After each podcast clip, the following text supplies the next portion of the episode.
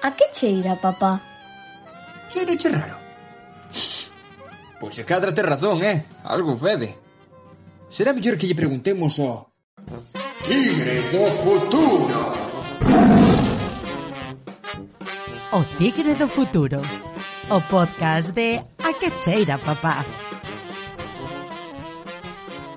Benvidas un día máis ao Tigre do futuro, o podcast que facemos dende o Magazine Cultural A que cheira, papá Pois si, xente, levamos xa un ano reuníndonos na porta do oráculo para gravar o tigre.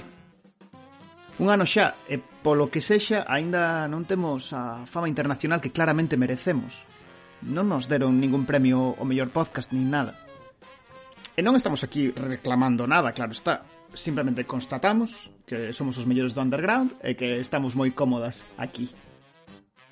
Agora en serio, como xa hai un ano que comezamos e non o fixemos ata o de agora, Penso que hoxe sí que nos podemos permitir pedirvos que se vos gusta o Tigre do Futuro recomendedes o programa esa amiga que non escoita moito podcast pero que quere comezar. Quizáis que compartades o episodio por redes sociais que deixedes un like ou un comentario. Todas esas pequenas cousiñas axudan moito de verdade. Mais nada mellor claro que o boca a boca. E que lle contedes aos colegas o moito que rides cando o Philip traduce os nomes ingleses ao galego ou cando Violeta cuestiona a saúde mental de todo Occidente así en plan casual. Xa imos preparando os fastos da fama. E obrigadas polo neuromarketing, hoxe tamén vos recordo neste comezo de programa que seguramente xa estades escoitándonos en alguna plataforma, máis que tamén podes escoitarnos en Spotify, Evox, Apple Podcast, ou na nosa canle de YouTube, onde adoitamos poñer algunha pílula visual para enriquecer un pouco as historias que contan aquí os peregrins. En fin, Eu son Guillermo Rodicio e para contar as historias máis afamadas teño hoxe comigo as mellores compañeiras. Por unha banda, Violeta Pérez, popstar da psiquiatría internacional que comparte aniversario con Boris Johnson, dato que aprendimos, quizáis, na sección de Ecos de Sociedade da Superpop. Aquí de TikToker, encantada. Full TikToker xa, 24 horas. Falando de fama, sí, sí. Estou a piques de comezar un TikTok espectacular con pasos de baile incluído o flossing, que xa está máis pasado de moda que a min, eh, para facerme unha superestrela adolescente. tamén dentro, claro, dentro do teu personaxe de psiquiatra popstar, eh, na, en algún momento paras, como que das consellos de saúde mental, logo sigues bailando, non? Como a temática. Exacto. tamén está hoxe aquí connosco eh, Ángela Lema, eh, probablemente a locutora de podcast máis famosa de todo o Concello de Cedeira, eh, non porque haxa unha competición baixa, precisamente. Eh? Hola. Que tal, Ángela? Moi ben, saúdos desde o norte. do norte do norte. O norte do norte.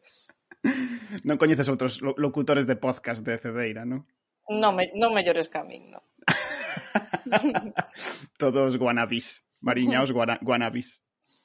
Pois moi ben, bueno, hoxe quizáis nalgún momento chegue un convidado especial, mas en principio parece que estamos en, en formación de, de tres, que, que, que ten como máis estabilidade, non? Eu creo que como unha formación máis estable.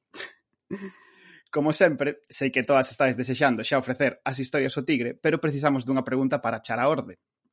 A pregunta de hoxe propuxeronala en misiva oficial dende a Real Academia Galega, onde tamén nos consultan de vez en cando para posibles autoras as que dedicar ao Día das Letras.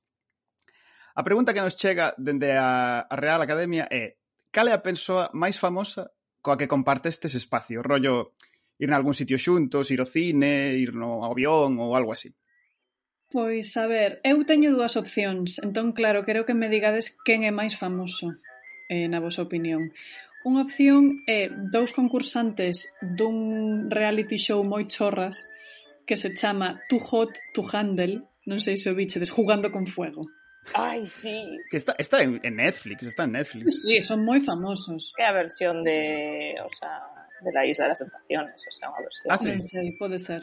Pois, bueno, a ver, para, para a audiencia é un reality moi chorras de xente que está moi boa e que son en principio moi activos sexualmente os meten nunha illa pensando que van facer un gran hermano e despois ali dinlles que non poden nin picarse nin ter ningún tipo de, de relación íntima Ajá. E entón, estes dous eran os típicos que, que ían ali un pouco a trolear, non? Pois resulta que eses dous, unha, non, me, non me lembro como se chamaba, e o mozo que é inglés, estaban nunha cafetería outro día comigo. Dixen, mira, famosillos. Ah, pero estabas, e ti sentaste, sentaste a tomar algo, café. Para min isto é moi importante. A ver, estábamos nunha terraza, igual non foi a semana pasada porque era unha terraza, así que xa debeu de ser fai uns meses. Eh, nunha terraza e eles estaban, pois non sei, a tres mesas de distancia. Buah, buah, buah, moi preto, moi preto. Vale. Esta era a opción A e a opción B? Opción B é Pau Donés Mm. Hostia. Comendo un bocata de tortilla no aeroporto e parei a falar con el un rato, que era moi oh. pequeno. Oh, en serio? Paraches a falar con el? Sí, el, el pediño autógrafo porque era, era moi pequena, fai moitos anos. Eh, parouse así a limparse as mans ao pantalón dixen, "Jova, que tío tan majo." jo. que de detalle. Verdade, tentador. ¿eh? Esa, esa é a outra opción. Eu creo que Paudonés é máis famoso, non? Pero claro, non sa en Netflix, pero que Paudonés. A ver, Paudonés é moi famoso, creo. Sobre todo porque tamén como na última época da súa vida tamén tivo un boom coa canción esta e tal. Sí. Eu diría que sí. Vale, pois pues, quedo con Paudones. Veña. Ti que, Ángela? Pois a ver, eu veña, eu tamén vos dou dúas opcións. A primeira é eh, Helen Sixu, que non, sabe, non sei se sabedes quen é. Helen Sixu. Helen Sixu é unha escritora, unha crítica literaria feminista como super referente como dos anos eh, 60 uh -huh. que foi a que a primeira como en formular a chamada escritura le, écrire femme, a escritura eh, feminina e tal. Eh, bueno, eu cando a vira nunha conferencia estaba como en plan, Dios, estou escoitando en directo a mi sexu é referente a nivel mundial, é referente dos estudos feministas, é descrita e tal. Pero agora estaba pensando que igual, o sea, claro, pero igual non é tan coñecida para todo o mundo que non faga este tipo de, bueno, pues que non faga este tipo de lecturas ou que sexa, vale? Estaba pensando que a opción B, entón, porque sí que é bastante famoso agora, vino cando era un pouco menos famoso, pero fora a unha, a unha grabación de, de la vida moderna, mm. con Broncano, Ignatius, e que que, E de feito, no grupo no que estábamos, que foi o día que Ignatius eh, pois eh, recitara o da o, da, o do poema de Donald Trump, Rímonos tanto o grupiño no que estábamos que ata mirou para nós que de feito unha cousa que despois cortaron, no, no programa final. Pero sí. Mm. Todos saudamos a Manu desde aquí. Sí, Manu presente. sí. É que esa está moi ben porque non só fostes como de público, senón que sí que hubo un momento de protagonismo onde as claro. cámaras mm, sí. gravaron a Manu porque se estaba escojonando a niveis Hubo complicidade, houve complicidade e interacción. Sí, sí, sí. No meu caso, bueno, só con Pau, sí, sí. Sí, sí, e xa digo que un momento como que falaron con nós que, bueno, pero que ao final que se cortou no, entendo que tamén rompeu un pouco o ritmo e tal, porque que Manu estaba literalmente afogando de risa. eh, pero iso ao final cortaron, pero foi super divertido, sí. Joder, pues eu, eu non teño referentes tan internacionais, o a persoa que eu pensaba como máis famosa na que coa que compartín espazo era un pouco parecida a historia de Violeta porque tamén foi historia de, aero, de aeroporto e de avión porque coincidimos no avión vindo de un, unha vez cando era pequeno de, de Madrid para, para Coruña. Compartimos avión co, con Carlos Blanco. Mm. Eh, recordo, recordo moito a anécdota, porque, sabes, estábamos miña irmã e maice en plan, oh, mira, é Carlos Blanco, eh, eh, é un actor famoso e tal. e, e miña mãe, eh, que daquela aínda non vía tanto a, te, a televisión de Galicia como a ve hoxe, que a ve prácticamente 24 horas eh, seguidas. eh, sabía quen era por Mareas Vivas, e dixo, ah, pero este, este señor é un actor. Entras nós estábamos como cuchicheando así do caballo, saiu, andou, foi andar a foto a él, foi dar a chapa como de minutos. estivo falando con el de 10 minutos con Carlos Blanco. Entón, eu compartí ese caso con Carlos Blanco e miña mãe compartiu conversa animada, polo visto. Xa, os avións, os avións de Madrid Coruña, Madrid Santiago adoitan ser espazo de, de así de, de encontrarse así farándula. Xa, están como fora da realidade, eh, como que como que aí eh, todo se iguala e todo o mundo non está conta, como exacto. Eu na última compartín avión con bugallo. sí, sí, sí. Sí, sí. Bueno, entón, como, como valoramos? Porque o de hoxe é moi subxetivo, eh? admito que o de hoxe é moi subxetivo. Eu creo que deberíamos ir en contra da sociedade E a, a autora da que falaba Ángela debería contar máis co resto para compensar a pouca reputación que ten o seu traballo comparado con catro gilipollas que están nun reality show. Entón, creo que Ángela debería gañar hoxe. Vamos, moitas, moitas gracias. Moitas gracias por, por, por lo que respecta al Sixu, vamos, porque no. convido vos a caleadas, eh? que maravilloso é, é o pensamento utópico. En vez de pensar quen é máis famoso, é quen debería ser máis famoso. Exacto. quen ten máis mérito. Por xustiza poética. Vale, entón por aclamación popular eh, sobre quen debería ser máis famoso, parece que vai comezar Ángela. Entón, Ángela, de que nos vas a falar hoxe?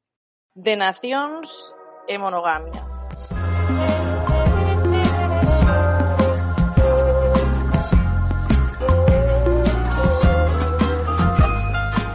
Pois ben, eh, hoxe quería falarvos, eh, non é que este todo como super claro do que vos quero expoñer, quería compartir con vos diferentes reflexións a partir dun libro que estaba lendo esta semana e que me fixo pois, eh, funcionar bastante a cabeza, xa non é pouco, non?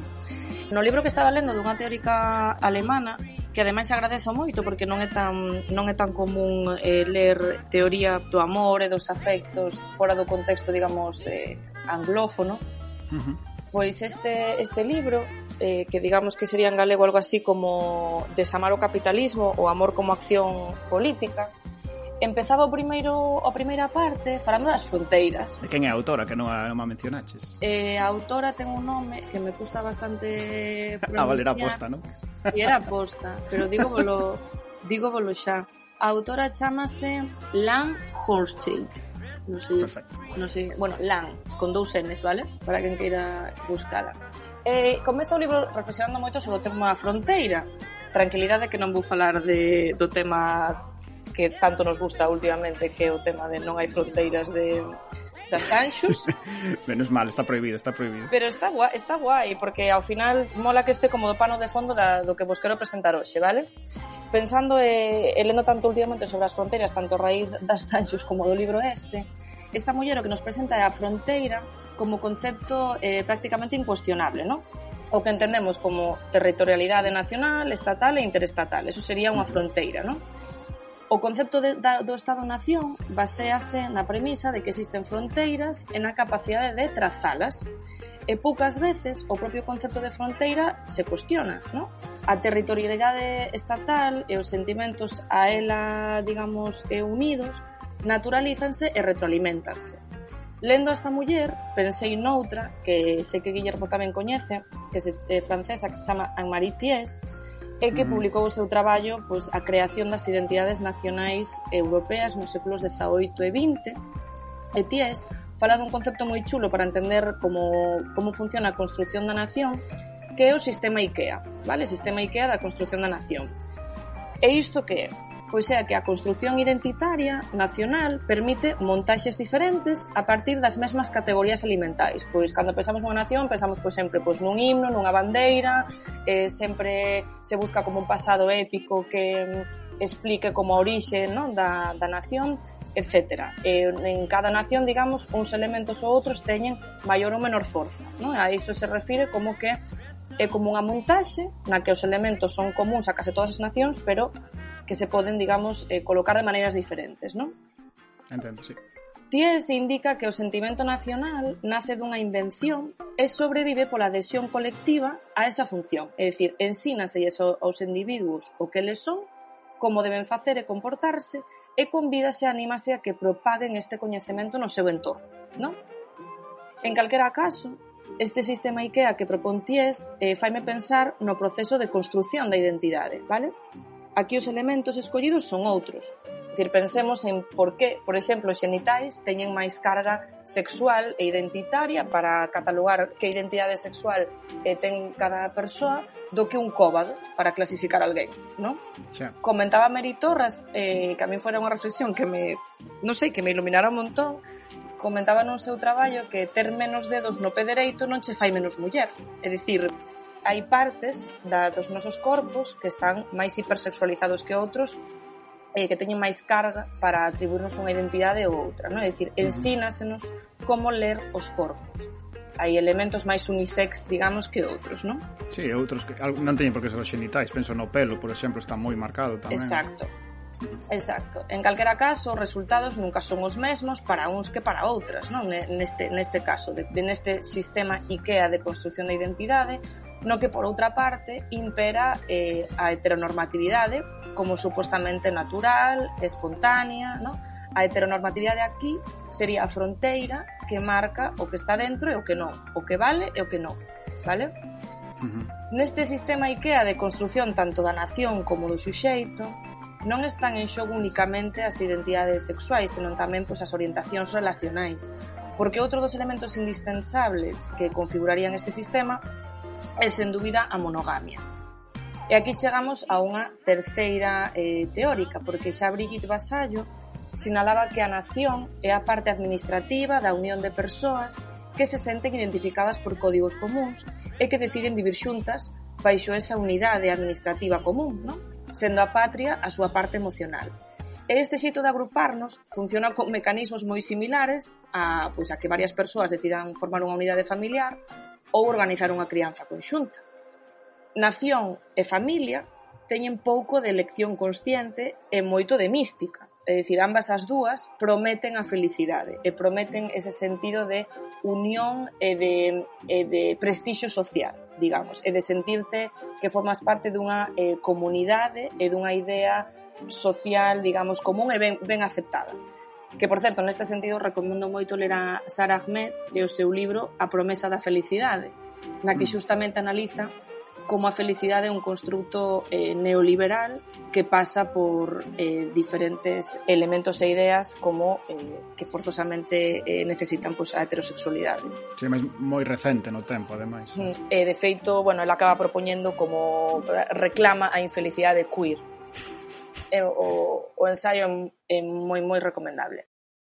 A nación europea, que é o que, o que estábamos falando, non a raíz de Ties e de, e de Lam, eh, a nación europea é monógama de forma e fondo. Non? A monogamia aparece na maioría de legislacións europeas como fundamental na nación para ser aceptada. Sí. Non? Uh -huh. A unión romántica entre dúas persoas é o único tipo de unión que se contempla. Mais a nación europea é monógama non só por iso, senón tamén pola súa forma de estruturar os vínculos, a identidade, porque se basea na xerarquía, na exclusividade e volvemos á idea de fronteira, do que vale e do que non. As fronteiras son tamén constituintes do eido privado e neste sentido adoitan ter unha connotación moi positiva. Estas todas esta retórica de coñecerse a unha mesma, marcar os teus propios límites, saber cales son as túas fronteiras, non?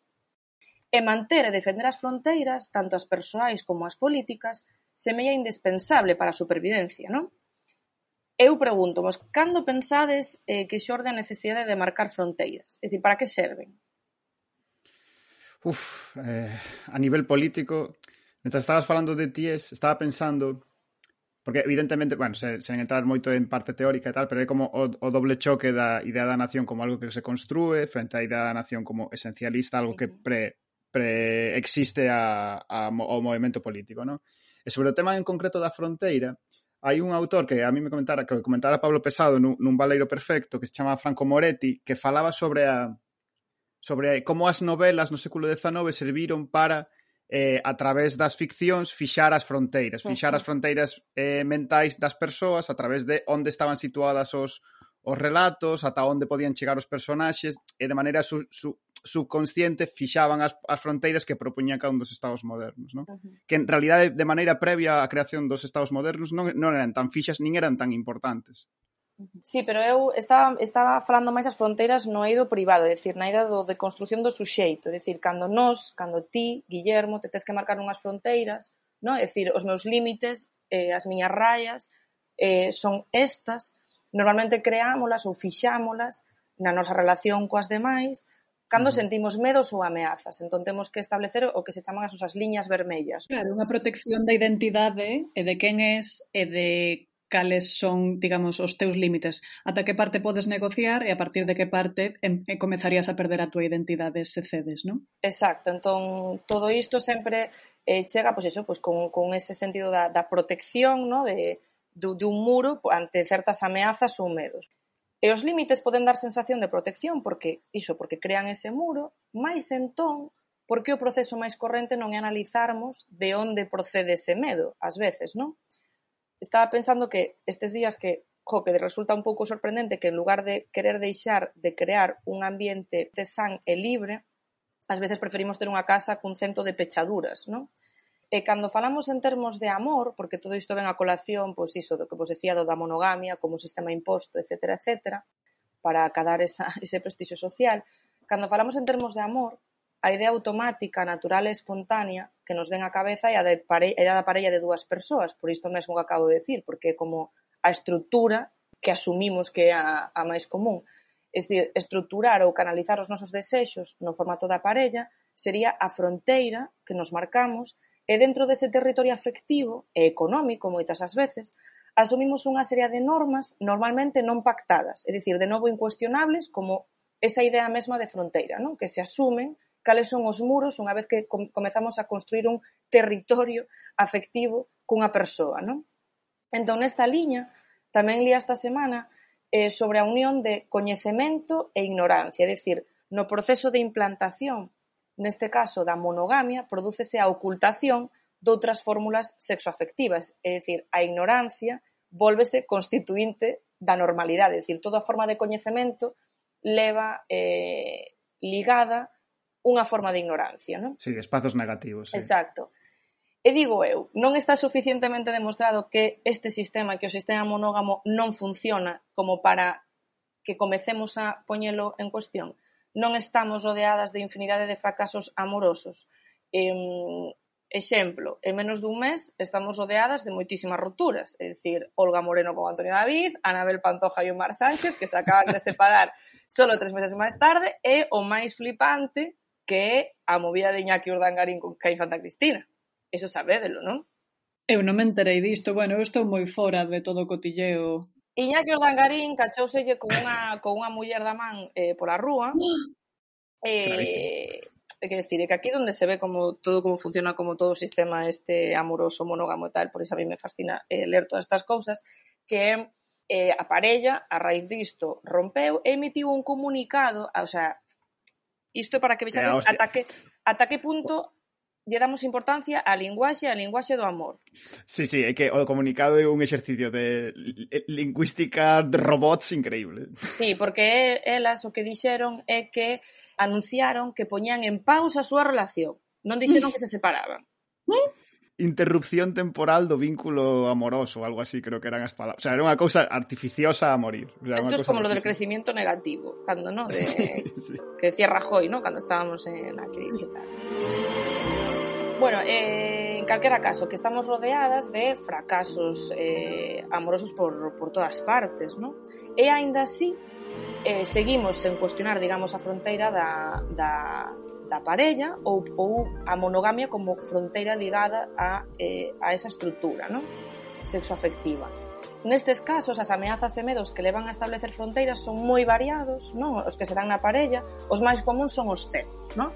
e a partir deles creamos muros porque nin siquiera pensamos este eido como algo que se poida conversar, que se poda reverter e que podamos construir como nos escollamos. Aí sobou vou tamén co de coñecemento e ignorancia, e que moitas veces ni siquiera pensamos que isto se pode conversar porque é que non sabemos desa realidade, porque asumimos como tal eh, a estrutura e o que significa estar en parella. E, e tamén porque a maioría das persoas senten que son emocións que non se poden controlar, vale? Que a teoría está moi ben, pero que despois é que o medo e a inseguridade que asentes no corpo e que e que iso non se pode controlar, e como lógico ninguén quere sufrir, non? Ainda que ao final acabas de sufrir igual, pero bueno.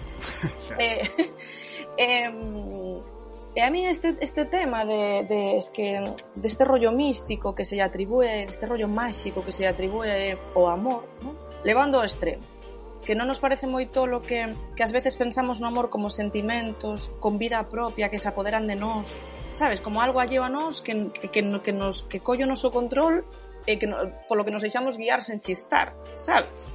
E penso que, que ás veces moita xente considera que pensar o amor é restarlle máxia. Sabes? Xa. E se isto levásemos como a outros ámbitos da nosa vida, non? Eh, penso noutros desexos que sí que somos capaces de controlar por elección. Quiero decir, a ninguén se lle ocurre, no, es que acabé filología, porque es que un impulso me lo dijo e non pude, no. Normalmente, cando estudiamos unha carreira, adoita ser unha elección pensada. Mm, Ás veces non tan pensada como nos gustaría, despois cando vemos o tempo, o sea, no? cando facemos vista atrás. Ou, por exemplo, pensaba co veganismo, co vegetarianismo. Hmm. Non? É dicir, é unha emoción, un desexo controlado. Hai moita xente que está pois media vida comendo carne, e gustaba a carne, pero que por convicción ou elección política pasa a non comer carne, pero moita xente que non come carne dixe, a ver, sí que me gustaba comer un bo filete, o que pasa que, pois, por convicción política non o faz. En cambio, cando falamos de, de amor e de emocións e tal, sempre temos este rollo de que, de que son cosas que se apoderan de, de nós, non? Gústame a analoxía da fronteira, precisamente por isto que comentabas ao final, Porque a, moitas veces hai moitas veces que pensamos, por exemplo, no tema do, do comentabas o tema do veganismo, como se fosen as decisións políticas ou as actitudes fosen cousas de branco e negro completamente, non? Como, unha, como un, un interruptor que encendes ou apagas, mentres que a, a metáfora da fronteira é interesante porque podes pensala como algo que avanza gradualmente, non? Como cousas que podes ir negociando, e, por exemplo, co da cucharita, E penso noutros tipo de actitudes, outras cosas que poden parecer un pouco tokens ou símbolos, pero que no fondo están negociando as, as fronteiras do que é aceptable, non? E penso, por exemplo, no tema de pintar as uñas os homes, que ás veces pode parecer como algo simplemente, non sei, unha especie de, de queer washing ou algo así, como pero no, no fondo están negociando novas posicións nas que podes plantear decisións estéticas que non eran as que supostamente estaban dentro da fronteira, non estás negociando, estás negociando esa posición de maneira gradual. Pero iso é abolir o xénero, non é, digamos, expandir a túa identidade ou a fronteira, non? É máis, eh, bueno, abolir a, a diferenciación de xénero Sí, de, de cosas, aspectos que se atribúen eh, a mulleres pois en, en homes, exacto. Mm. No, eu decía, o, eh, sea, é como prácticas eh, que parecen anecdóticas, pero que creo que son chulas e interesantes como encontrarte con calquera colega e que sabes que ten parella e preguntarlle pues, que tal a túa parella, pero tamén preguntarlle polas súas amigas e polos seus amigos, que non son forzosamente as túas amigas e amigos, pero que comprendes como parte da súa rede afectiva e que se esas, esas amigas e amigos de, de, están ben, van facer que o teu colega estén ben tamén. ¿no? Mm. Entón, romper tamén esos automatismos de, de só preguntarlle que tal lle vai a parella, senón, joder, pois pues preguntarlle por pois pues a ti preguntarte preguntarche por Violeta, ¿no? Que tal lle vai a Violeta por por Londres, ¿no? Tamén, Ángela, eu pensaba mentre falabas que toda esta mensaxe da monogamia como, como signo de, de éxito, da parella, de casarse, de ter fillos, da familia tradicional, é unha mensaxe coa que se bombardea a muller, eh, socializada a muller, dende que nace. Uh -huh. Entón, evidentemente, todas estas cousas eu creo que esta, esta narrativa da monogamia e da necesidade de ser fiel e tal é moitísimo máis está moitísimo máis presente no, no, no mundo femenino. Ese, ti pensas, pois mira, no, no exemplo que dabas antes de Urdangarín, eu creo que hai un suposto social casposo horrible de que, bueno, son cosas que os homes fan. E non é oficial, pero é algo que se asume, que se asocia á identidade masculina. Entón, eu o que me planteaxaba tamén é que todas estas cousas e este, este lavado de cerebro que nos fan dende sempre é outra ferramenta máis de control eh, totalmente vendo o coñecemento masculino, patriarcal, o sea, mm. de, de todo que nos de todo o que nos inculcan. Sempre nos dixeron, no, que o desexo sexual por parte dos homens é incontrolable. Exacto. O sea, nos, nos somos seres emocionais, non sí. Sí, sí, claro. Entón... Bueno, a sexualidade femenina está completamente eh, borrada. Eh, iso vese en moitísimos ámbitos. Agora que está de moda tamén o tema, o tema trans, xa me diredes cantas mulleres trans se ven nos medios, que son moitas, e cantos uh -huh. homes trans hai menos da metade. Entón, uh -huh. todas estas cousas, e a sexualidade femenina, e o xénero, e eh, todas estas cousas están moito menos presentes eh, na xente socializada muller, realmente. Mm. Total. E, E no fondo é unha cousa de culpas, non? Porque eh, que dicir, de como se distribúa o culo, porque todo este todo o sistema golpea moito máis as mulleres ou as persoas que socializan como mulleres, pero seguindo un pouco o fío do que propón Ángela, o que é o sentido común, sabes, como a idea basal non é como que todos os homes as, ou as estemos formulando constantemente, senón que é como un unha caixa coa que traballamos directamente, como que algo que chega pre prefixado e ti xa simplemente distribúes culpas aplicando esas normas, pero non se está negociando constantemente ese sentido común, senón que como que de alguna maneira é o, o sistema base do que do que partes.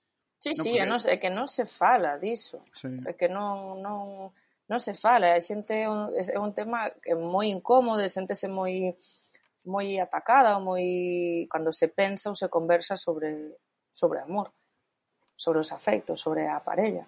Ás veces, o sea, eu non sei, tamén sou moi rara, pero que a veces falas con amigas de, de, de pois pues, desde cando estás con esa parella, diche, o sea, é como feito incluso de enrollarte cunha persoa a noite e contase como o día que empezaches con esa persoa, o sea, como o día que junté mis labios con esa persona, e iso é como la fecha de inicio de nuestra relación. A mí son cousas que me parecen moi moi locas. Por que? Porque se asume que desde ese, desde ese momento, desde esa desesamento, digamos, corporal ou que sexa, asúmese que imos a establecer un lazo no que non van a entrar outras persoas.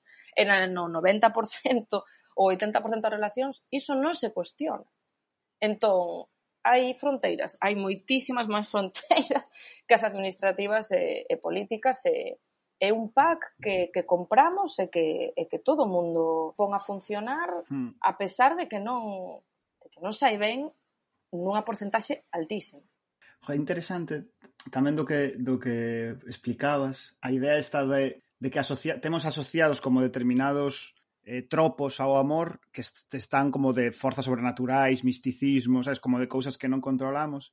E non sei se será ou quizáis é unha idea que lanzo aire, pola idea de que a idea da parella monógama é das poucas institucións que nos quedan que son previas ao Estado moderno que as percibimos realmente como unha cousa ancestral, aínda que simple, é igual de construída que todas as demais, o que é anterior a ao momento de orixe da, do resto das prácticamente das institucións coas que nos relacionamos. O dicías antes, por exemplo, o do veganismo. Claro, percibimos a, a dieta como unha cousa moderna porque xa entendemos a dieta como ir ao supermercado a comprar cousas, entón a nosa relación con ese sistema económico é racional e podemos modificalo, non? Pero como o amor o amor monógamo é previo a, ao momento de, de inicio da modernidade, percibímolo como algo que non está no noso control, como que non está afectado por a racionalidade. Buf, eu creo que aquí entran en xogo moitísimas máis cousas que, que esa. Hmm que operan unha serie de, de discursos e de controis sobre iso eh, que van e iso como que tamén é como esa promesa da felicidade como esa unión tamén, porque se estás en parella, estás, digamos, eh, orientado a formar unha familia, tamén ten moito que ver con ese sistema heteronormativo da reproducción, entón por iso é a lógica de, de seguir reproduciéndonos as unhas as outras, o sea, entre uns e, e outras este rollo para seguir pechando por, por como asumimos certas fronteiras que pensamos que non son cuestionables, eh, asumimos xa pois, que se estamos en parella esa persoa pasa a deitarse con outra persoa, esa fronteira rompeuse por completo e a estrutura cae, cae por completo, non pasa iso se a nosa parella ten unha conversa mega íntima cun, cunha amiga, pasa se se deita con outra persoa. Ese tipo sí. de intimidade o que, o que rompe a fronteira eu creo que esa maxia que tanto nos mola podese aplicar de outras maneiras e podemos romper de maneira consciente super bonita as fronteiras. Para mí unha forma de romper esas fronteiras super bonita que sempre estou como reclamando é que temos que facernos máis a cucharita entre amigas e amigos. Sí, e cando dormimos con amigas e con amigos aí temos que facernos a cucharita. Propostas concretas. Propostas moi concretas, porque iso ademais, e sobre todo, facedemos a cucharita entre homens entre homes, entre amigos, para romper con estas fronteras do que entendemos como heterosexual, como monógamo e como, e como todo.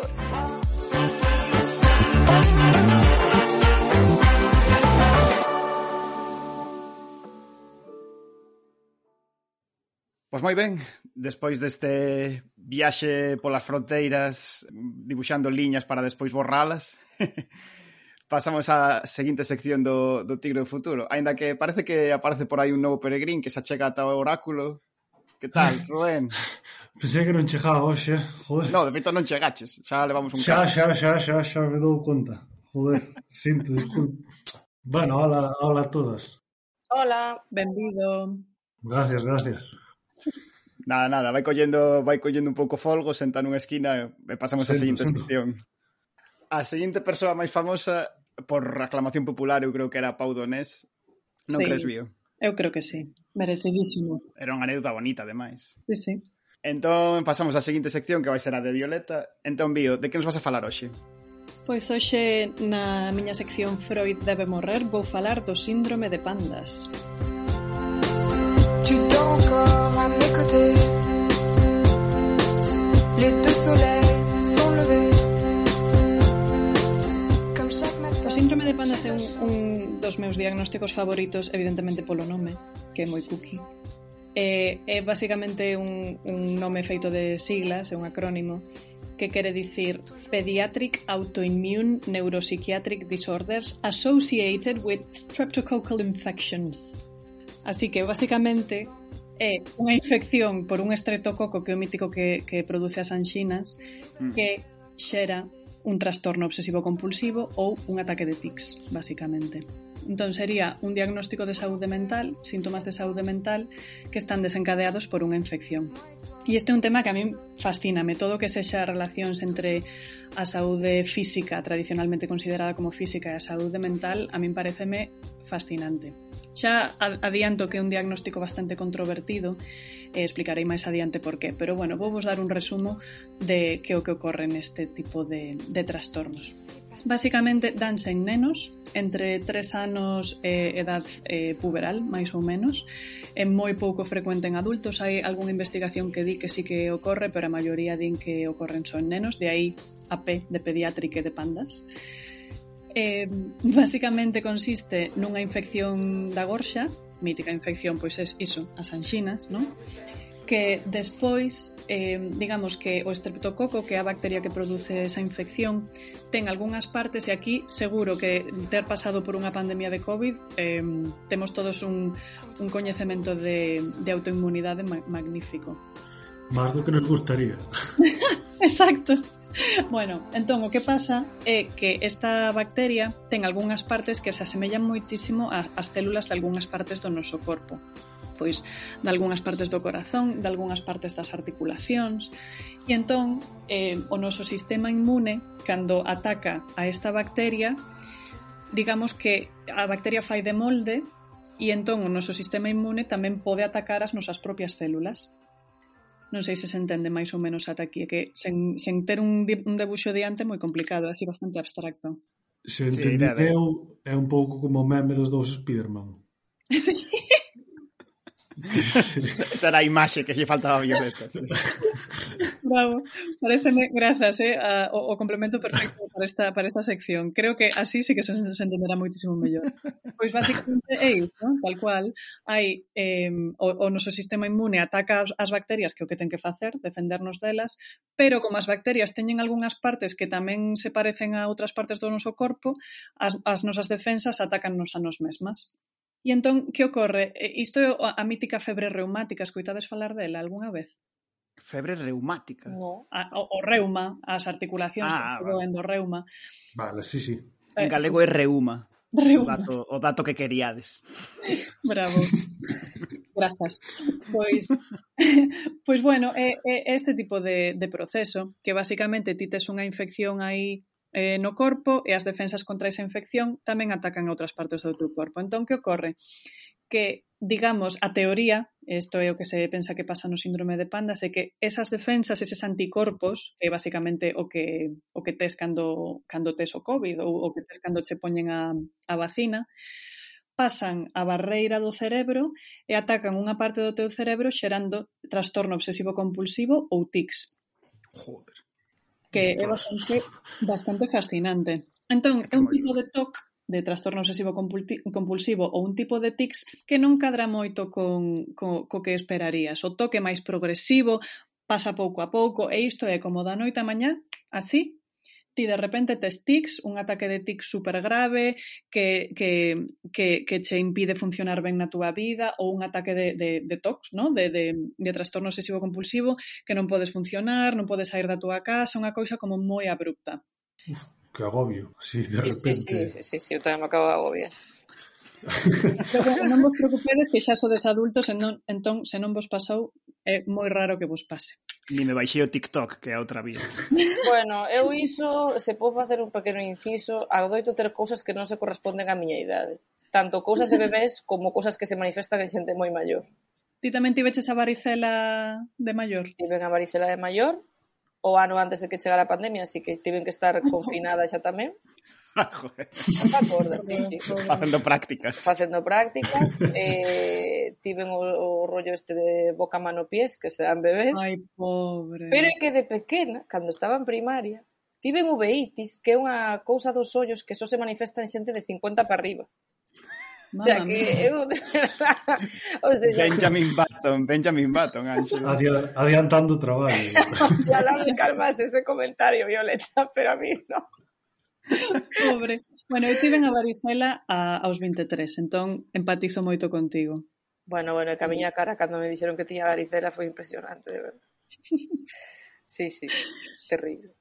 Pois este é o síndrome de pandas que Ángela non vai ter, pero que é moi frecuente en, en bueno, moi frecuente. É máis frecuente en nenos que en adultos, pero segue sendo unha condición moi rara. Que ocorre? Que claro, ti para diagnosticar un pandas tes que facer o que se chama un frotis de gorxa, que un, un, o mesmo que o paliño do, do COVID, pero, pero para outra cousa. Colles aí unha mostra, fas un cultivo e ves se hai aí estreptococos. Pero claro, que neno mm, entre 3 e eh, 17 anos mm, non tivo anxinas na, na súa vida? Claro. Xa é super prevalente. Entón, como podes dicir que causa efecto se na maioría dos casos o cultivo sairá positivo, sabes? Sobre todo en nenos máis pequenos de idade escolar. Xa que non chega como va, como, como proba, vaya. Bueno, chega, e, e, isto é que din os, os autores e as autoras que defenden a, a existencia deste, deste diagnóstico, pero claro, hai moita xente que di que non é tan así, que non é tan, tan, tan sinxelo, e que, bueno, que digamos que hai unha heteroxeneidade na, na investigación acerca de, deste trastorno, pois que non ten non lle dá moita consistencia que sexa un diagnóstico separado eh, dun TOC normal, non? Ou, ou, ou duns TICs normais. Home, pero se dis que aparecen de, de súpeto, non hai como partes do que o propio toco, os propios tics que o separan dun toc normal ou de un ataque de tics normal? En principio sí, pero claro, eh, dentro dos tics, pois cada, cada neno ou nena que ten tics ten unha presentación distinta, entón xa. que che fai dicir que a causa ten que ser outra porque a presentación sexa distinta, sabes?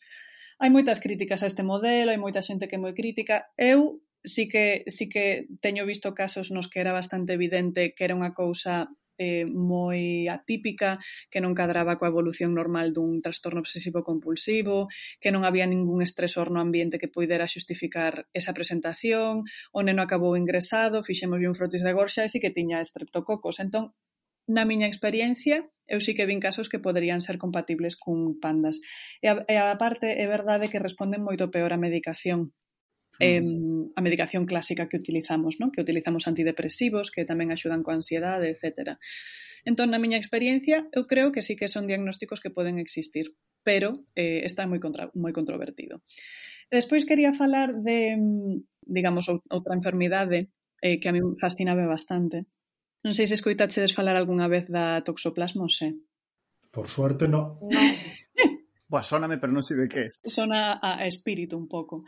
Pois, pois basicamente a toxoplasmose é unha enfermidade parasitaria que faiselle sempre un cribado, un screening ás embarazadas porque se unha embarazada ah, ten, sí. ten infección por, por toxoplasmose pode ter eh, consecuencias eh, complicadas para, para, para o neno ou a nena, non?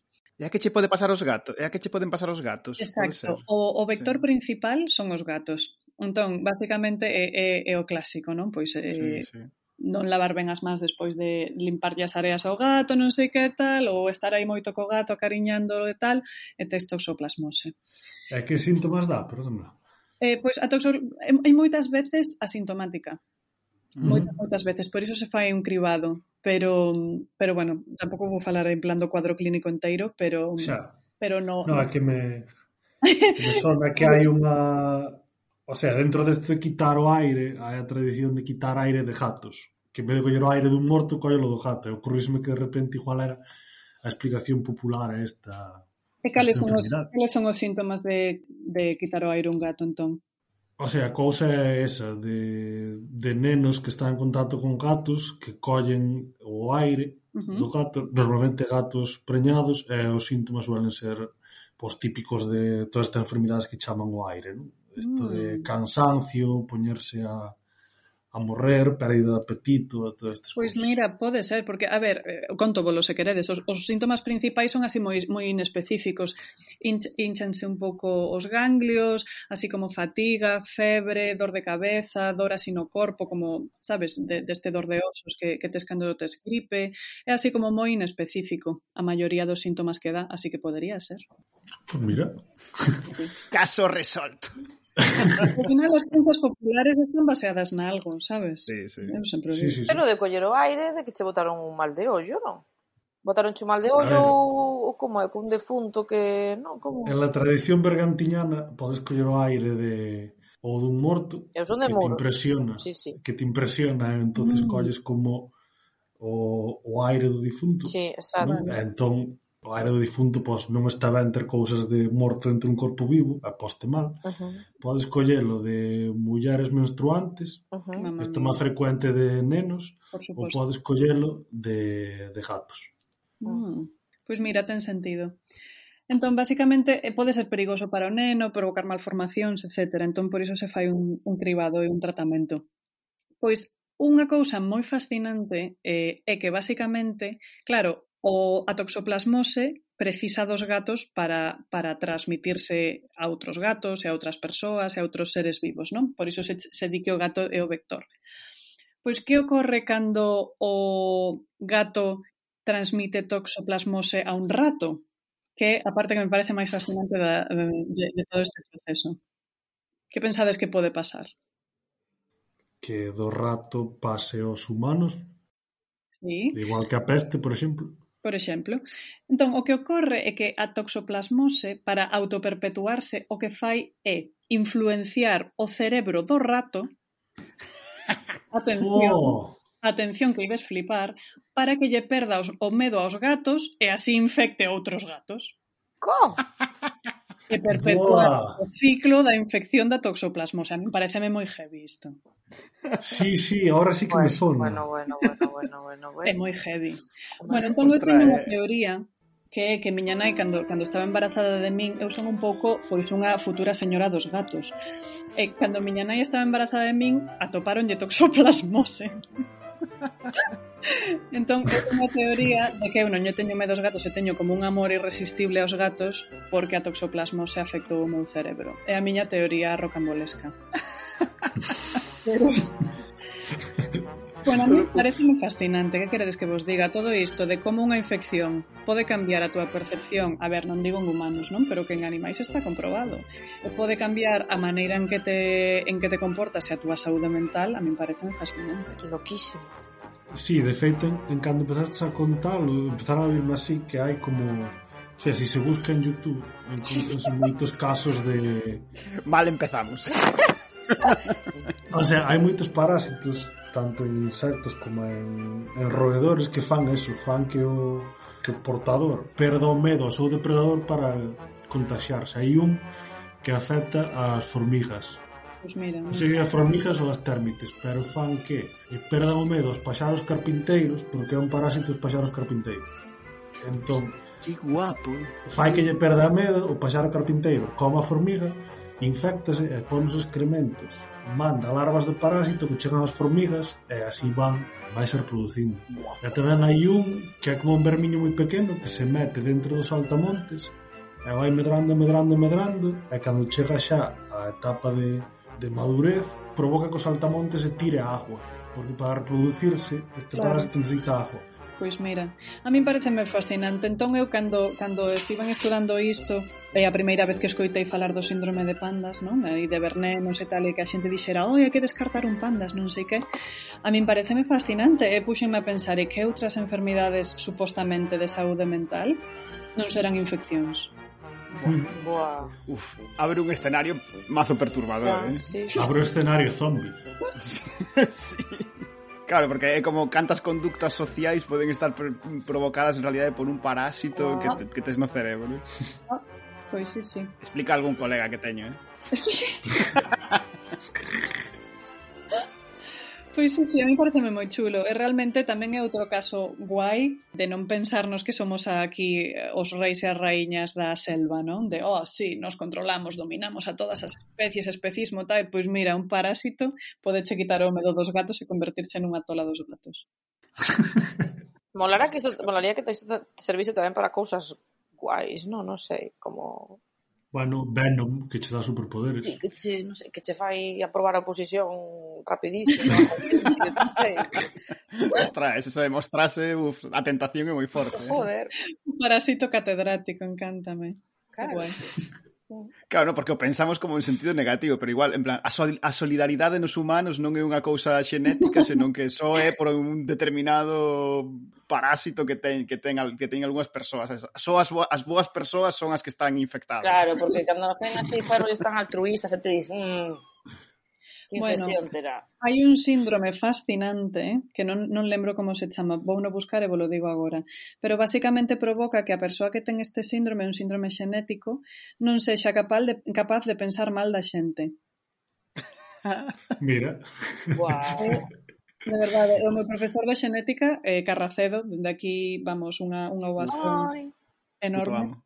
Eh, pois Carracedo sempre dicía que era e que pensaba que esta xente era xente que estaba máis evolucionada e que estaba claro. por diante do resto da humanidade porque eran pois a, a persoa que ti deberías aspirar a ser. O sea, que é un síndrome, pero de ser como mellor mellor persoa que os demais. Eh, pero é un síndrome provocado tamén por bacteria, non? Non, este era xenético, agora vos busco ah. e vos lo digo.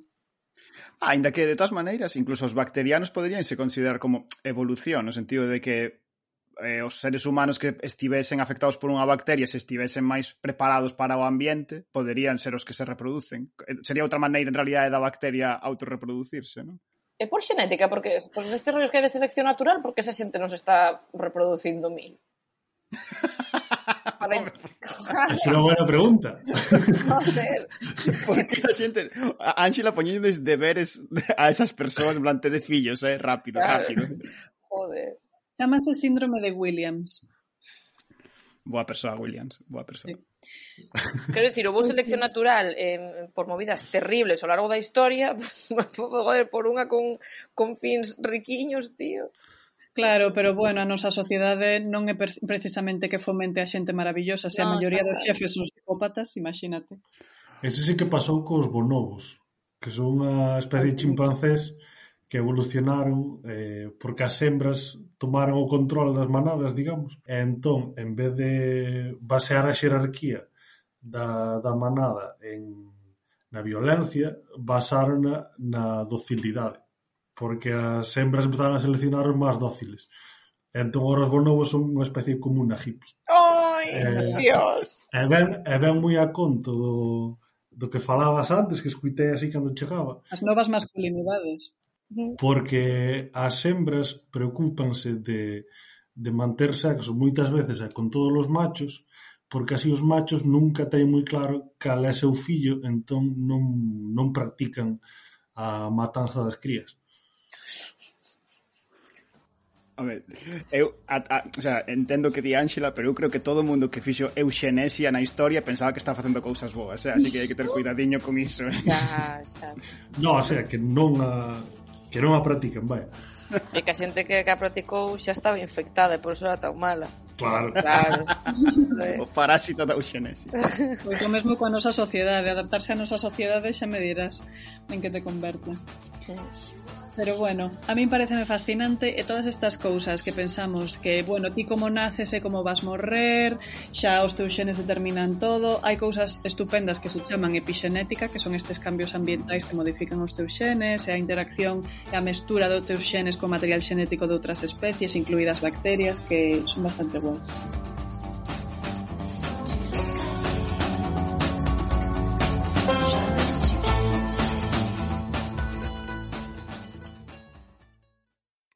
Pois moi ben, despois deste descubrimento de que eh, seguramente Darío conta as historias que conta por algún tipo de movida que ten metida na cabeza e que non o podemos culpar, non é culpa del.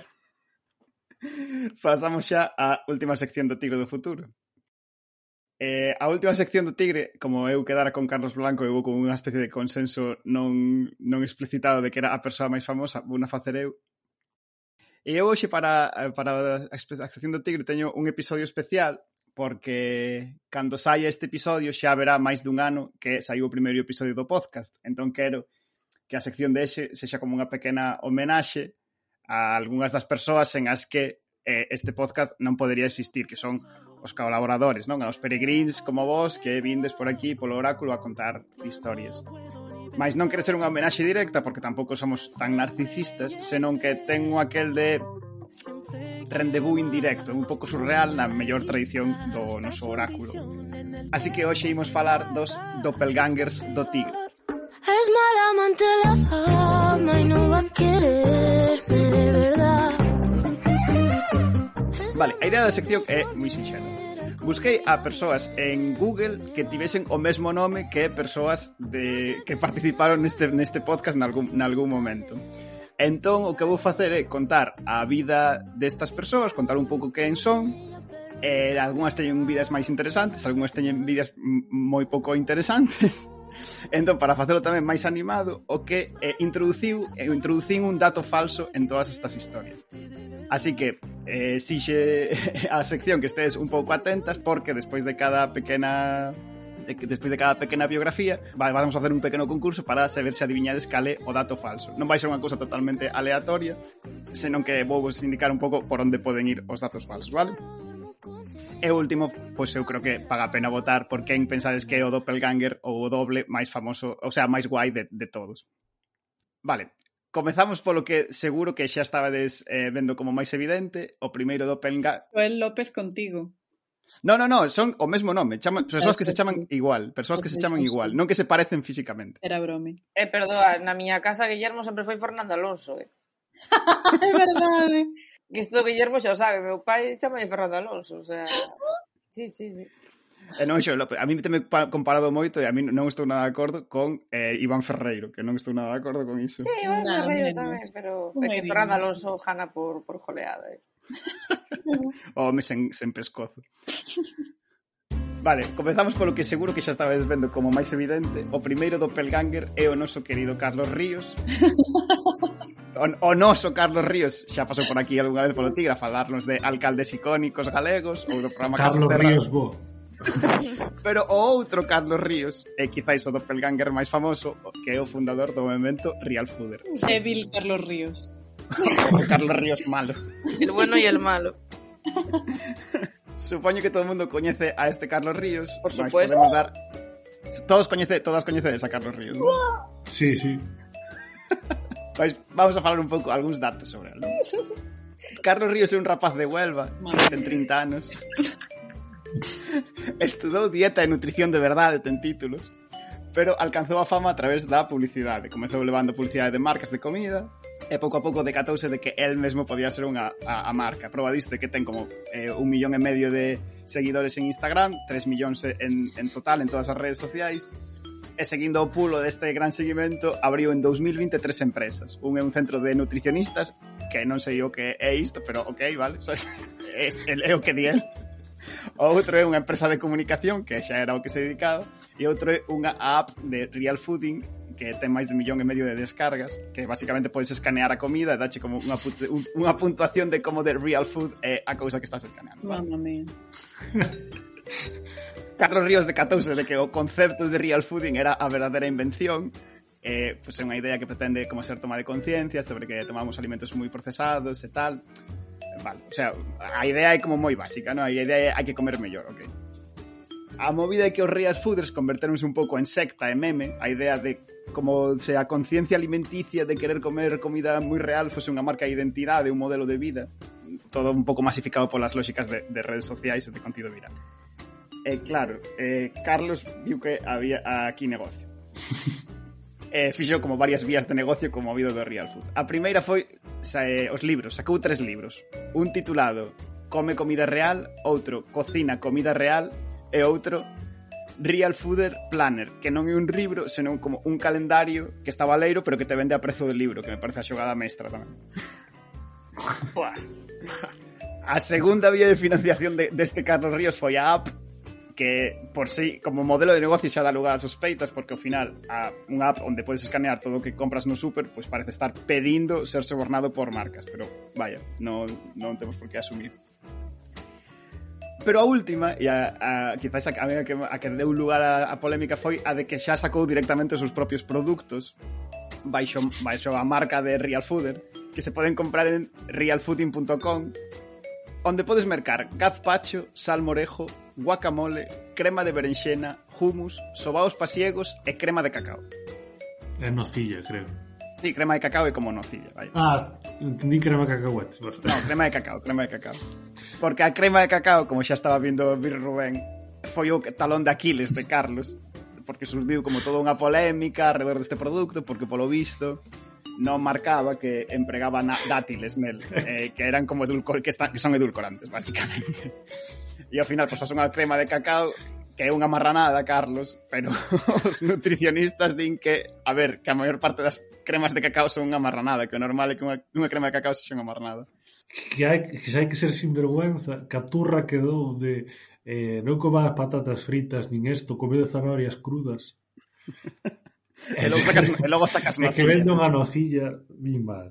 Claro que a, a, a crítica dos, dos, dos nutricionistas ao de Carlos Ríos, máis alá da crítica de, de, de Twitter, que sempre é como unha cousa voráxine caníbal, a crítica aos nutricionistas foi non tanto que sacase unha crema de cacao que fose unha marranada, senón que se perdeu como a oportunidade de convertir ese movimento en algo didáctico, non? Como de decir, mira, isto é unha crema de cacao, pero deberías o tomala para darte un capricho un día, pero eh, evidentemente ten edulcorantes porque é, é, é nocilla, sabes? bueno, non sei. Eh, eh, penso que se está a, asentando xa un pouco a idea de, de Carlos Ríos como vende fumes, non sei que pensades. Sí, naturalmente. A min o que máis me reventa é o público Mm, digamos, diana que ten Carlos Ríos, porque, claro, a xente que ten unha que, que, que ten unha certa educación, non? Pois educación superior, etc. Estas, estas cousas xa saben, entón a min parece unha explotación de xente que o mellor do que máis se beneficiaba era de simplemente que el fixese uns vídeos de como cociñar e tal, sen necesidade de venderlle o produto, sabes? É que, non sei, mm. a min pareceme bastante... É unha pena, porque o inicio era unha boa idea e foise, mm. foise das más o marketing que lle sai por todas partes, non? Esa formación que ten en publicidade. En bueno, fin, pero xa, des, xa deseu o, o concepto de comida real, o sea, como... No. Uf, é que me parece como tan urbanita todo de, non sei, como sí, que... Sí, a comida, a comida imaginaria. Claro, que, que non é comida real, quero dicir, E aparte, bueno, decía agora Violeta, non, non sei se estou tan de acordo, hai peña que realmente lle tens que explicar por que é malo comer un donut, eh? Non sí. todo o mundo, jolín, é que é verdade. Certo. O... Certo, certo. Ou que a maioría pero, bueno, das, máis... non sabe que a maioría dos alimentos teñen azúcar engadido, sabes? Sí, sí, pero é máis é máis mm. posible, máis máis, digamos, máis frecuente que iso ocorra en xente que non tivo a oportunidade de aprender iso en algún sitio, sabes? Sí, non digo que sí. todo o mundo que teña pois unha carreira ou un, bach, un bacharelato pois teña esa, ese coñecemento ni moito menos, pero mm. bueno.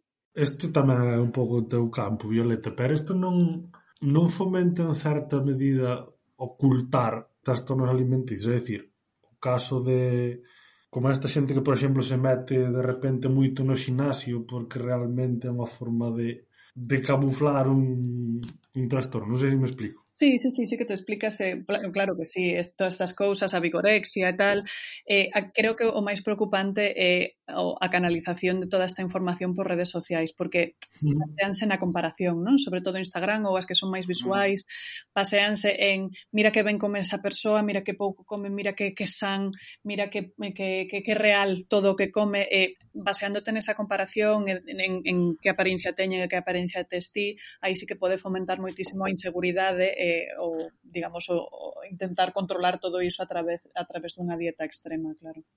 Sí. Mm -hmm. Vale, entón, cal pensades que é o dato falso do que acabo de contar? Ui, xa, xa, xa foi o dato falso. Ah. Dilo. Sí, sí, o dato falso xa foi. O dato falso estivo mezclado entre todas estas cousas que contei. Pero é un dato falso de Carlos Ríos ou que é un dato que é do noso Carlos Ríos? Non había nada no, do no, noso no. Carlos Ríos. Hai, hai, un Carlo, hai un dato falso que me inventei eu de Carlos Ríos dentro de todo o que contei. De Carlos Ríos de Real Food. Do Carlos Ríos malo, vaya, sí. eu creo que o pillei porque foi un dato que me chocou pero parece pero, pero parece unha cousa moi específica pero vamos, logo, eu creo que dixestes que na súa web, na súa web vendía sobaos pasiego real food. Sí, a mí eu flipei co dos sobaos pasiegos, tamén, sí, pero, sí. pero vendía Parece... tamén nocilla, é eh, igual de flipante. Eh, pensades, sí. todas pensades que ese é o dato falso? Pode ser, veña, eu compro. É a verdade é que aí salto o radar, sí, non sei. Son os sobaos. Vale, si sí, era dato falso, era dos ovadas. vale.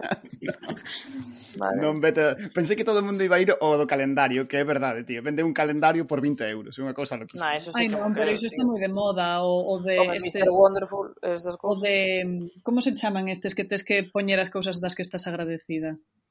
Ah, os bullet, bullet journal unha cousa desas de estou agradecida porque hoxe dixen non a un traballo no traballo.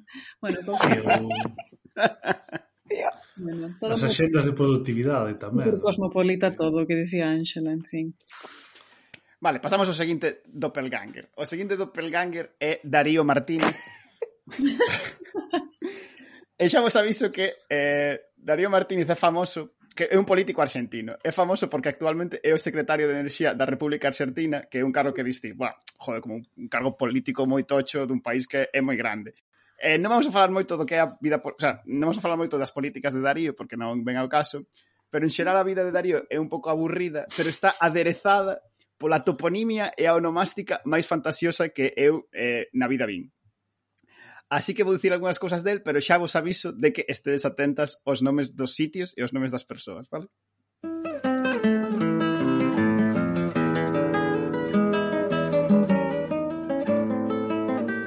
Darío Martínez naceu nun pueblo que se chama Ingeniero Luis A. Huergo. Bravo. Ese é o dato falso. Ese é o nome do, do sitio onde naceu Darío, vale? Darío estudou a carreira de contador público, aínda que non chegou a graduarse, ou iso di a Wikipedia, e polo que sexa tampouco parece que teña outra carreira que si sí acabase, pero vai.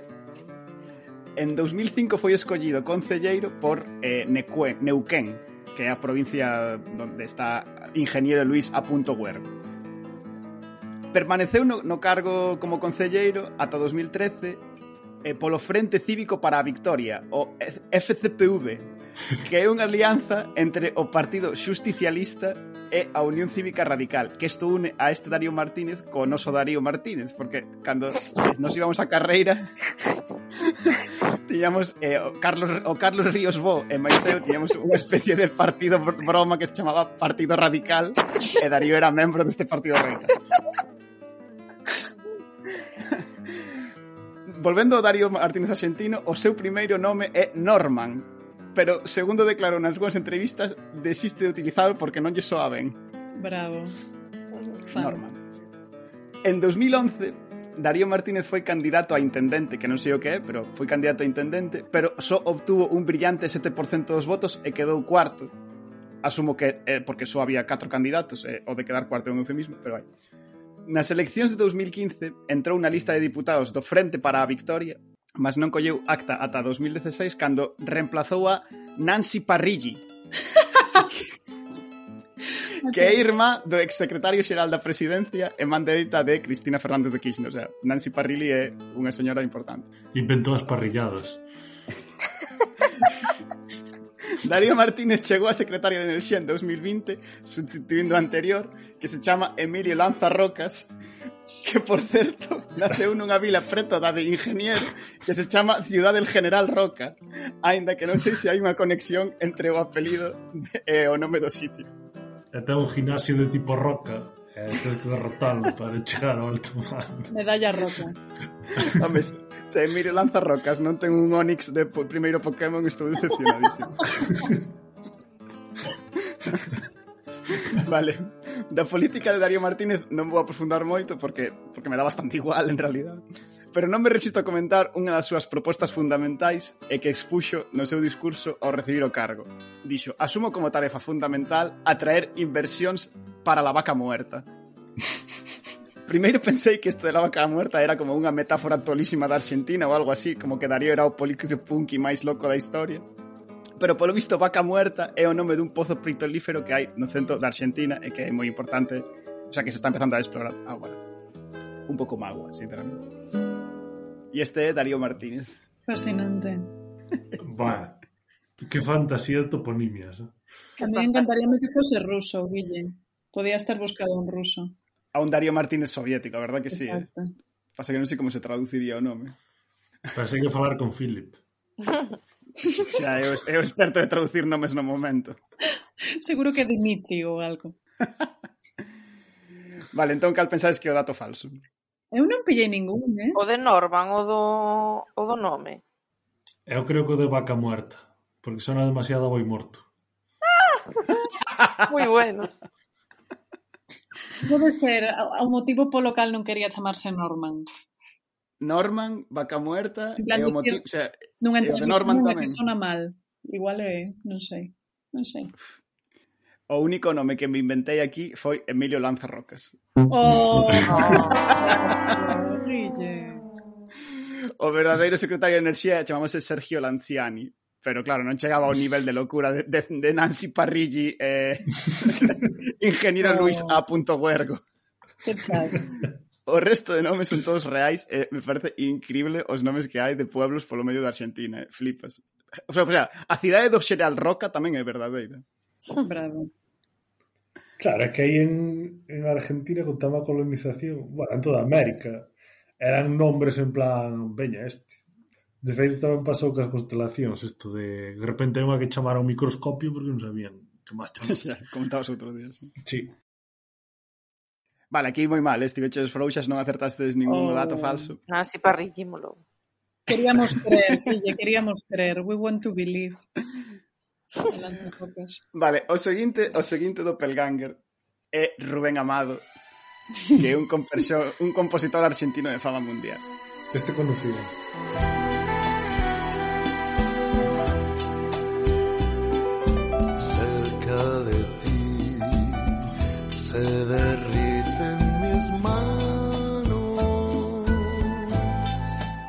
o Rubén Amado Doppelganger está hoxe en día creo entre as miñas persoas favoritas da historia, non porque me guste moito a súa música, que bueno, supoño que estará soando de fondo para que a volarades vos mesmo, senón porque ten como unha especie de amor propio intensísimo unido a unha relación con internet que se podería chamar de anacrónica e é que Rubén Amado escribiu a súa propia entrada na Wikipedia Fandom E o feito de que a escribise el non é algo que eu deduza, senón que non podo pensar outra cousa porque está escrita en primeira persoa.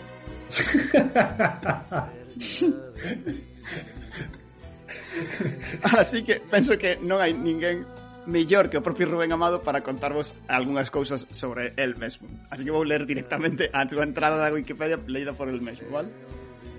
Dinos Rubén Amado. Comecei a miña carreira... Bueno, está traducido ao galego, vale?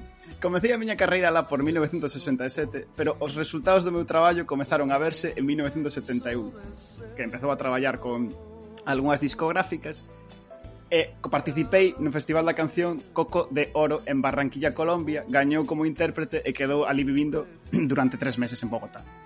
Alá, dous artistas gravaron as miñas primeiras cancións e participou na, na grabación de distintos intérpretes, entre o que, os que destaco a Abracadabra, Los Nocturnos, Los Cuatro Soles e Giacomonti.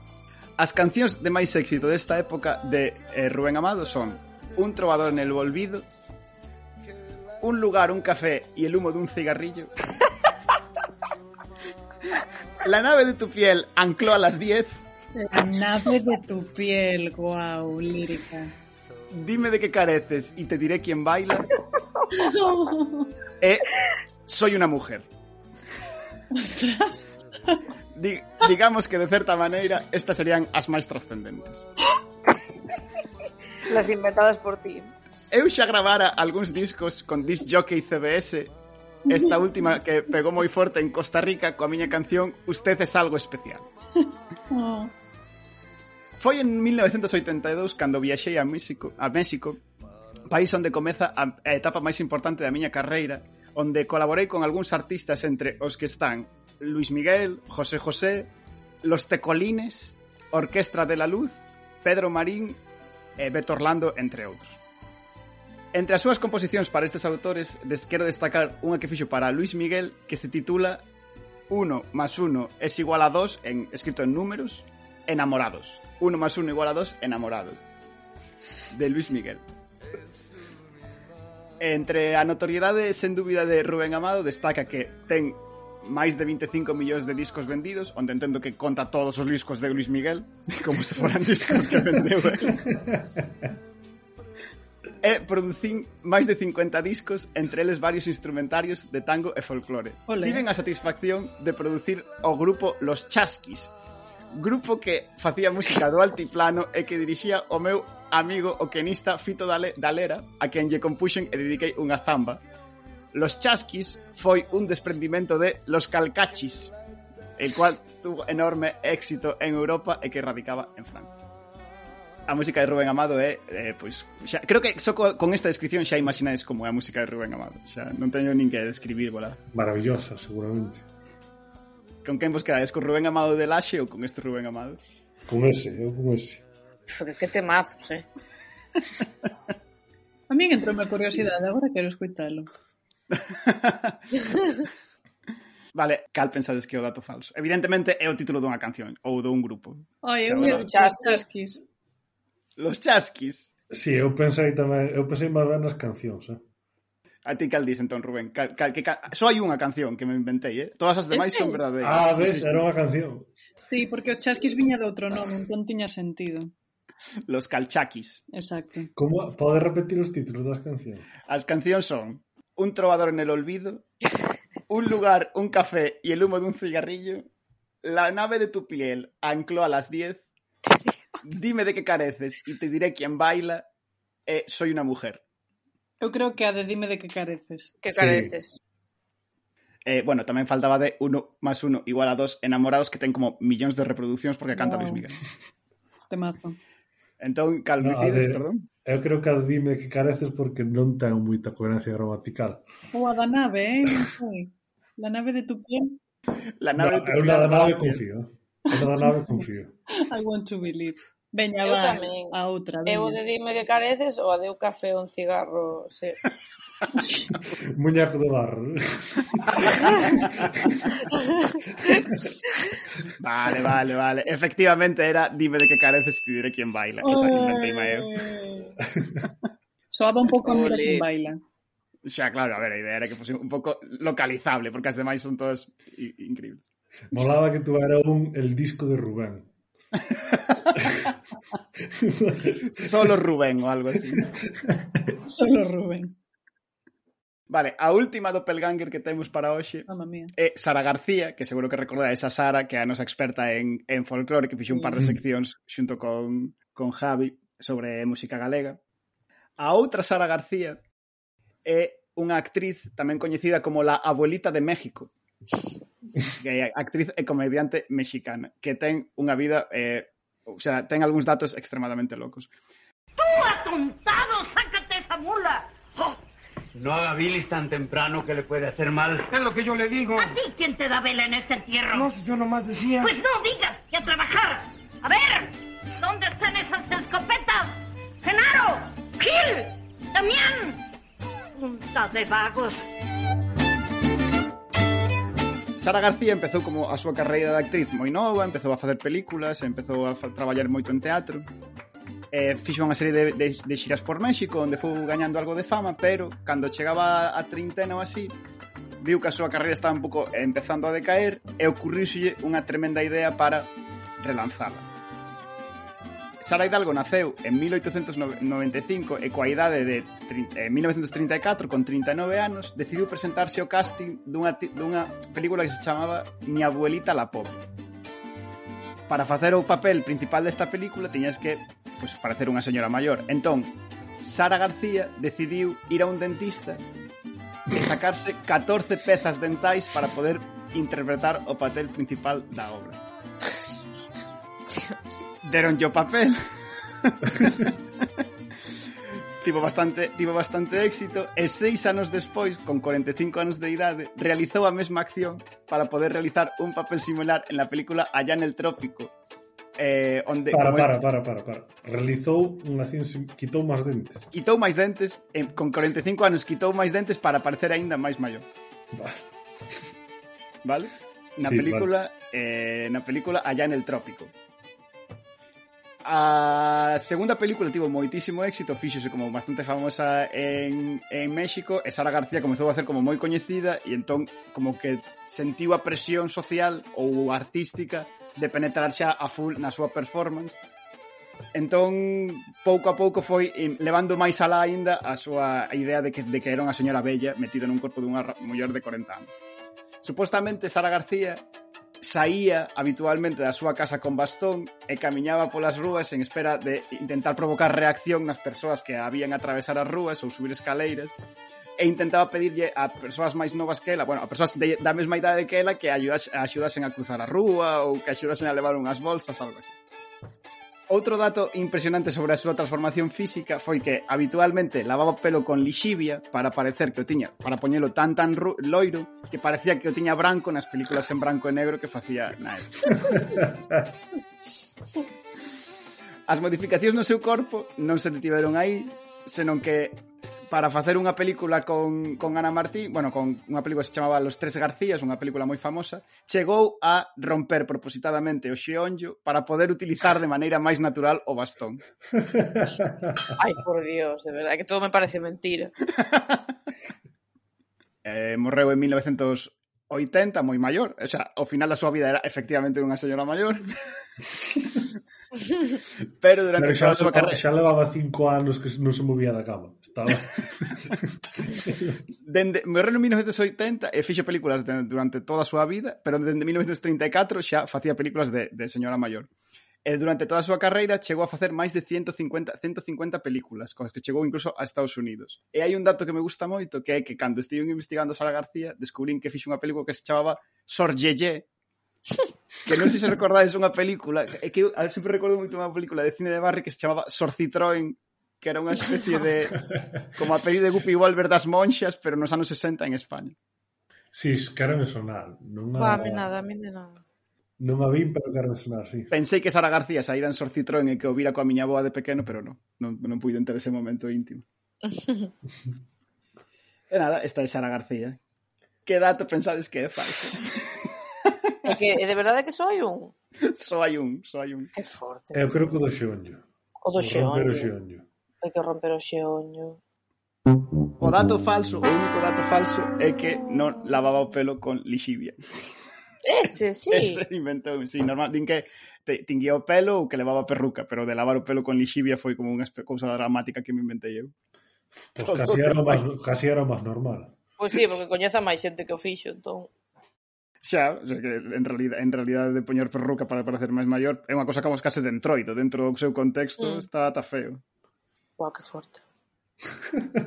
pois sí, bueno, e estes foron os, os doppelgangs. Eh, tiña un doppelganger máis, que un señor que se chamaba Philip Webb, uh e que, polo visto, é famosísimo, é un arquitecto racionalista que viviu entre o século XIX e o século XX, e que non sei moi ben por que é famoso, estive lendo a súa entrada da Wikipedia, pero é como un arquitecto que se fixo famoso por facer casas aburridas, como por cousas...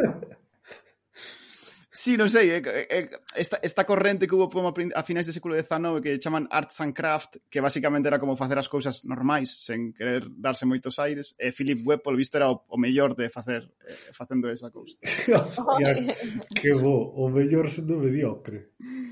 Eh, Denota no fondo a superioridade a superioridade intelectual dos ingleses de ser capaces de facerlle unha entrada a Wikipedia a este señor que basicamente era como un constructor normal, sabes? Hmm. Total. Eh, de feito, o único... Steven, claro, porque intentei facerlle tamén unha entrada, pero o único dato extravagante é que seu segundo apelido, o sea, seu segundo nome era Speakman, era Philip Speakman Webb. Pero, vale. E nada, a ver, entón, para darlle finiquito a, a sección, cal pensades que foi o mellor doppelganger de todos? O de Sara. O de Sara, o de Sara. Sí, sí, sí. O de Sara. Esa, eh? que sí. esa señora foi moi divertida, sí. sí. A mí parece unha forza de voluntad tremenda. Mm. E moi meritoria, además. Sí. 150 películas. Non te Qué da olla. Eh? se, se, se miras a se miras si en internet a, a filmografía é unha barbaridade é unha barbaridade de cantidad de películas que fixo sabe todo o que fixo Wow. Su trabajito le costó, ¿eh? Sí, sí. y, sus, y sus dientes. Ah, pero antes quitados unha vez, xa non tens que acordarte máis. Joder. joder. Si quiero duermo con ella, pero nunca me la voy a casar. Pues moi ben, Soa xa o Tigre Tigre de The Omens e iso significa que chega ao seu fin un novo episodio do Tigre do Futuro. Saímos hoxe do oráculo asombrados por todo o que aprendimos nun podcast cheo de persoas tan famosas. Quero dar as grazas ás nosas cómplices do oráculo de hoxe. Se vos gustou e non vos queredes perder as seguintes entregas do Tigre do Futuro, podedes suscribiros en iVoox, e en Spotify, Apple Podcast, Youtube ou seguir en xeral o que facemos tamén desde a que cheira papá. Emplazamos vos xa para o seguinte tigre que quen sabe o cagar dali. Un saúdo e ata a próxima. Tigre, tigre, quen te pode deter? Faino pedazos e bañate no que quede ver. Nunca pensei